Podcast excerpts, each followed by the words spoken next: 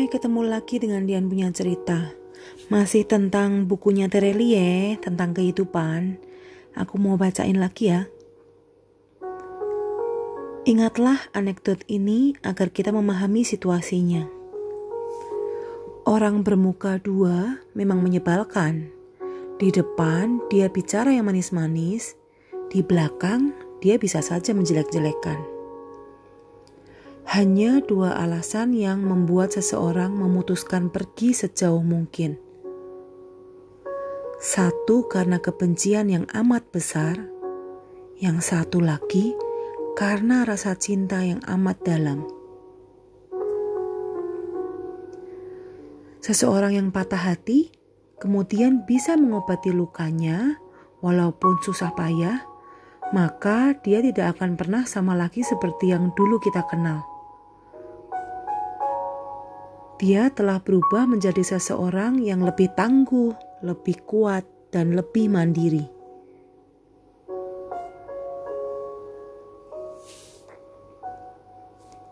Ada masanya kita hanya butuh diam, tidak bicara apa pun, tidak bicara pada siapa pun, cukup direnungkan dalam-dalam. Kemudian, kita akhirnya paham banyak hal.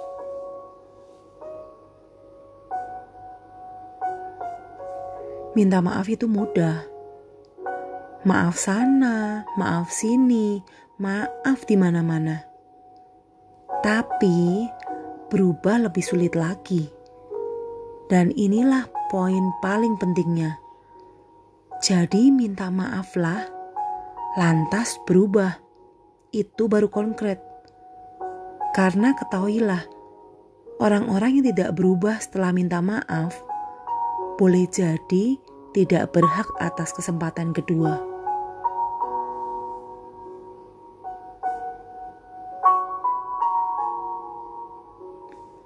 Jika kita melihat seseorang yang begitu tangguh, kuat, dan mandiri, maka jangan tanya mengapa dia sekarang berdiri tegak di sana begitu mengagumkan.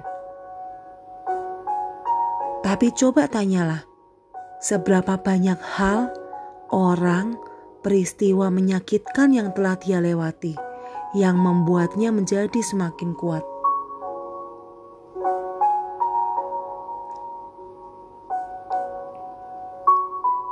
Menangis tidak berarti lemah, apalagi jika menangisnya bersimpuh, mengadu kepada Tuhan sendirian. Itu pertanda betapa kuatnya kita Kemudian menyadari nih, masih ada tempat yang lebih kuat, muara seluruh pengharapan.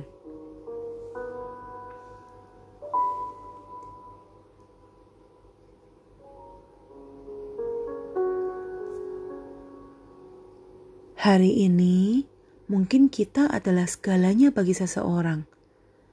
Tapi besok boleh jadi kita bukan siapa-siapa lagi.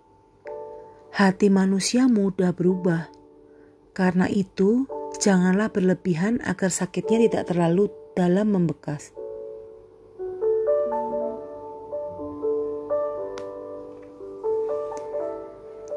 Teko yang berisi madu saat dituangkan hanya madu yang keluar, lezat dan bergizi. Tapi teko yang berisi cairan busuk saat dituangkan itulah yang tersaji. Jadi apa pun yang kita posting di media sosial, yang kita tuliskan dan ucapkan, sedikit banyak adalah cerminan dari isi teko milik kita.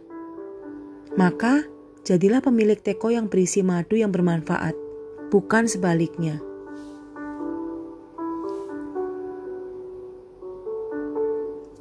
Ketika seseorang membuat kita menunggu, itu berarti ada hal lebih penting yang dia urus dibandingkan kita. Selalu begitu.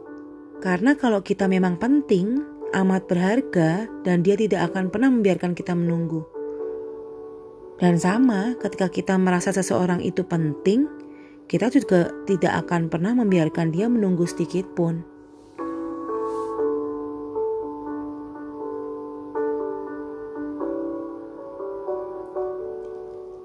Oke, Sekian bacaannya, menarik ya dari yang kita tadi baca, yang kita dengarkan karena aku yang bacain ya. Menarik sih ketika tentang terluka, kemudian merasa apa ya kalau kita lihat seseorang itu sukses gitu ya di balik kesuksesan itu wah dia sudah melewati banyak hal gitu dan dia belajar untuk survive. Kita pun juga bisa. Karena kesuksesan tiap orang itu tergantung bagaimana kita taruh standar sukses itu gitu. Kalau menurut kalau kita jadi orang yang suksesnya melihat orang lain dan suksesnya dihitung dari seberapa kekayaan yang kita punya wah Berat sekali pasti ya. Setiap hari harus berpikir gimana caranya bisa jadi orang seperti itu.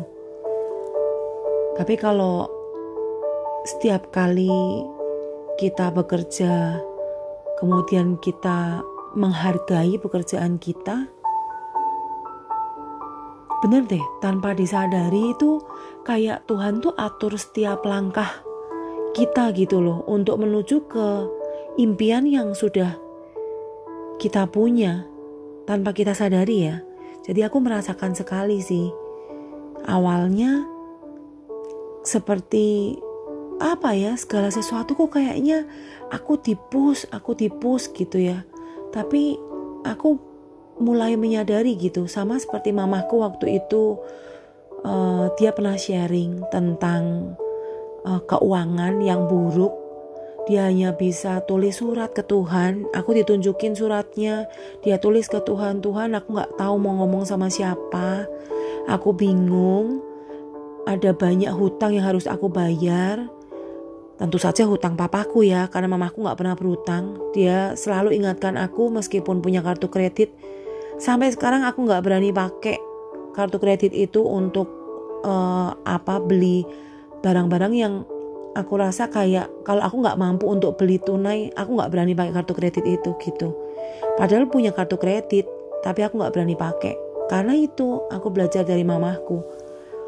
Jadi itu mamahku pernah harus membayar utang papaku karena papaku nggak bisa bayar lagi dia tidak bekerja dan hutang sampai puluhan juta. Mamahku bingung karena dia harus memenuhi kebutuhan keluarga juga kan. Jadi dia hanya tulis surat gitu ke Tuhan lewat buku ya. Dia ada buku harian gitu. Dia tulis tuh. Tuhan aku nggak tahu bagaimana aku memenuhi kebutuhan hidup sehari-hari, kebutuhan anak-anak,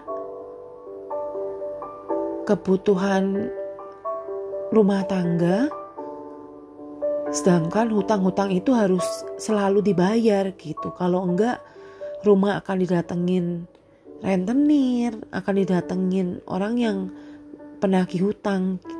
Akhirnya mamaku tulis, Tuhan aku bingung, aku nggak tahu harus bagaimana.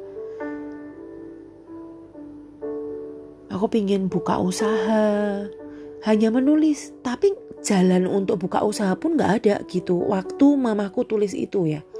Jadi langkah untuk ke situ tuh nggak ada sama sekali, belum ada jalan sama sekali. Tapi ketika itu ditulis, ternyata tuh mamaku tuh nggak ngecek lagi tulisan itu gitu loh. Tapi di perjalanannya itu kayak dibukain jalan sama Tuhan, mamaku bisa ditawarin orang untuk jualan sepatu. Bayangin dong kerja di bank, tapi dia juga jualan sepatu gitu loh di bank. Terus akhirnya dia jualan sepatu tuh. Penghasilan sepatu yang gak segitu banyak tapi bisa loh memenuhi kebutuhan sehari-hari. Bisa loh untuk bayar hutang loh. Kami anak-anak tuh gak pernah loh namanya berkekurangan. Ya iya sih makan restoran yang mewah gak mungkin bisa makanan KFC, pizza itu buat kami anak-anak itu tuh suatu makanan yang mewah gitu. Waktu dulu ya. Pizza KFC itu menurut kami mahal sekali gitu.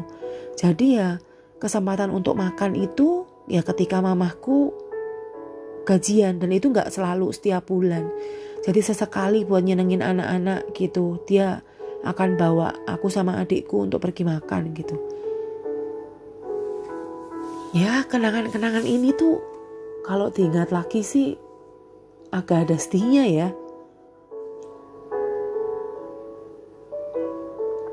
Tapi aku belajar banyak loh.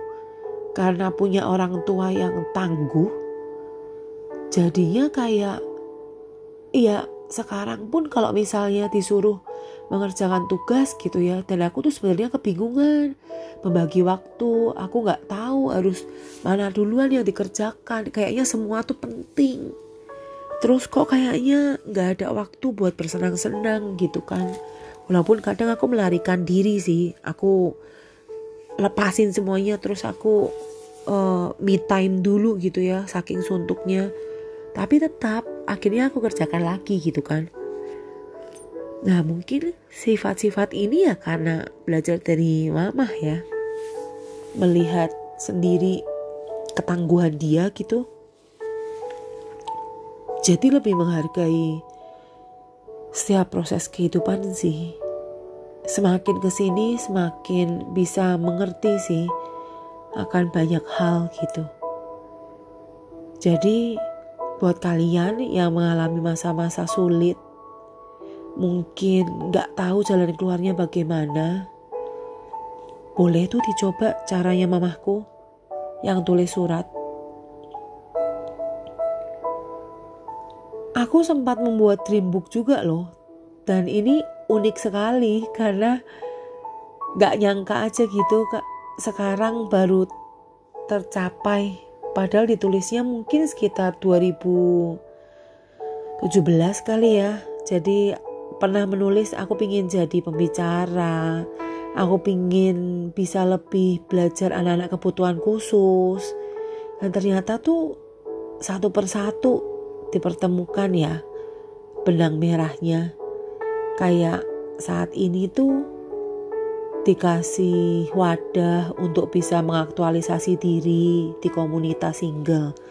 Kemudian dikasih wadah untuk mencoba memberanikan diri jadi MC di sekolah. Kemudian dikasih wadah juga untuk berani buat berkomunikasi dengan orang tua siswa. Jadi dibilang sudah tenang atau belum sebenarnya di hati nggak pernah ada tenang ini pikiran itu akan selalu berperang pikiran ini tuh akan selalu yang sebagian akan bilang kamu tuh nggak mampu aduh nanti kalau salah gimana aduh nanti kalau image kamu akhirnya rusak kalau orang tua nggak suka kalau ini kalau itu tetap ada tapi sebagian lagi ada rasa ayo coba ada pikiran-pikiran yang optimis gitu untuk mencoba. Nah, baliknya ke kita kan.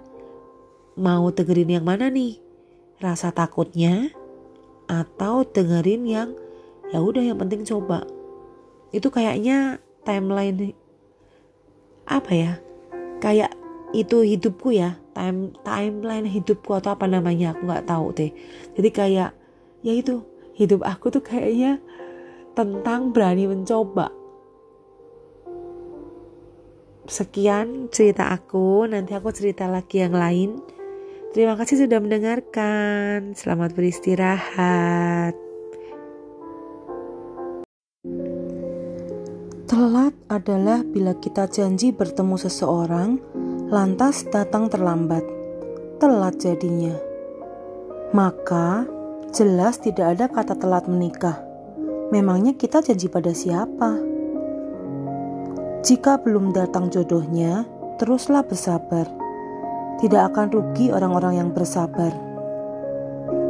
Lagi pula, menikah bukanlah lomba cepat-cepatan.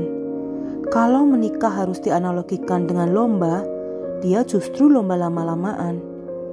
Siapa yang menikah paling lama, awet, langgeng, bahagia dunia akhirat, itu baru menang. Jika kita ingin bahagia, maka sebenarnya hubungan yang paling penting dijaga bukan hubungan dengan keluarga, teman, ataupun manusia, apalagi dengan akun-akun di Facebook, Twitter, dan Instagram. Yang penting, yang harus sekali dijaga adalah hubungan dengan Tuhan. Pada akhirnya, kita semua akan pulang. Saat itu, tidak ada satupun manusia yang ikut bersama kita. Ketika kita sungguh menyayangi seseorang, perasaan itu tidak hanya menetap di hati, tapi juga di bola mata kita.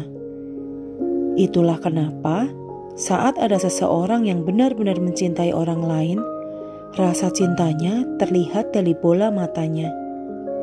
Bola mata itu menatap seribu kali lebih indah. Maka, tanyakan kepada orang tua kita saat mereka menatap kita. Kecewa, tapi tak mengeluh. Terjatuh, tapi tidak berhenti. Sesak, tapi tidak menyerah. Marah, tapi tidak membenci. Sakit, tapi tidak membalas. Sedih, tapi tidak berlarut-larut. Dan terakhir, kehilangan, tapi tidak berputus asa. Banyak orang yang jahat, tapi berlagak dialah yang jadi korbannya. Orang lain yang salah dan jahat. Pastikan bukan kita yang begini ya. Real people adalah apa yang dia pikirkan, apa yang dia katakan, dan apa yang dia lakukan. Semuanya konsisten, sama, tanpa perlu topeng, basa-basi, apalagi kepalsuan. Itulah real people. Kita tidak bisa menghentikan hujan, tapi kita bisa membawa payung untuk memakai jas hujan. Dan kalau payung atau jas hujan tidak cukup, kita bisa naik transportasi online. Dijamin tiba di tempat tujuan tanpa basah. Begitu pula hidup ini. Kita tidak bisa menghentikan masalah hidup, ujian, dan yang lainnya tapi kita bisa punya solusi yang baik agar tiba di tujuan tanpa drama. Jangan habiskan waktu dengan membalas dendam kepada orang lain yang jahat kepada kita. Bukan apa-apa. Jika dia memang jahat, besok-besok dia sendiri yang akan kena batunya. Jangan mengotori tangan kita. Jangan ikut campur urusan orang lain jika itu tidak terkait dengan kita. Tidak ada urusan dengan kita, bukan kejahatan, tidak merugikan kita. Jadi jangan ikut-ikutan. Karena bukan apa-apa. Kita juga tidak mau kan orang lain mencampuri urusan kita. Apa pun di dunia ini selalu sementara. Kekayaan, harta benda, kesenangan, kesehatan, pekerjaan, karir, semuanya sementara. Itulah kenapa kita sebaiknya biasa-biasa saja. Tidak perlu mengotot sekali, tidak perlu digenggam erat sekali. Biar kalau besok-besok akhirnya diambil semua, kita tidak kecewa mendalam.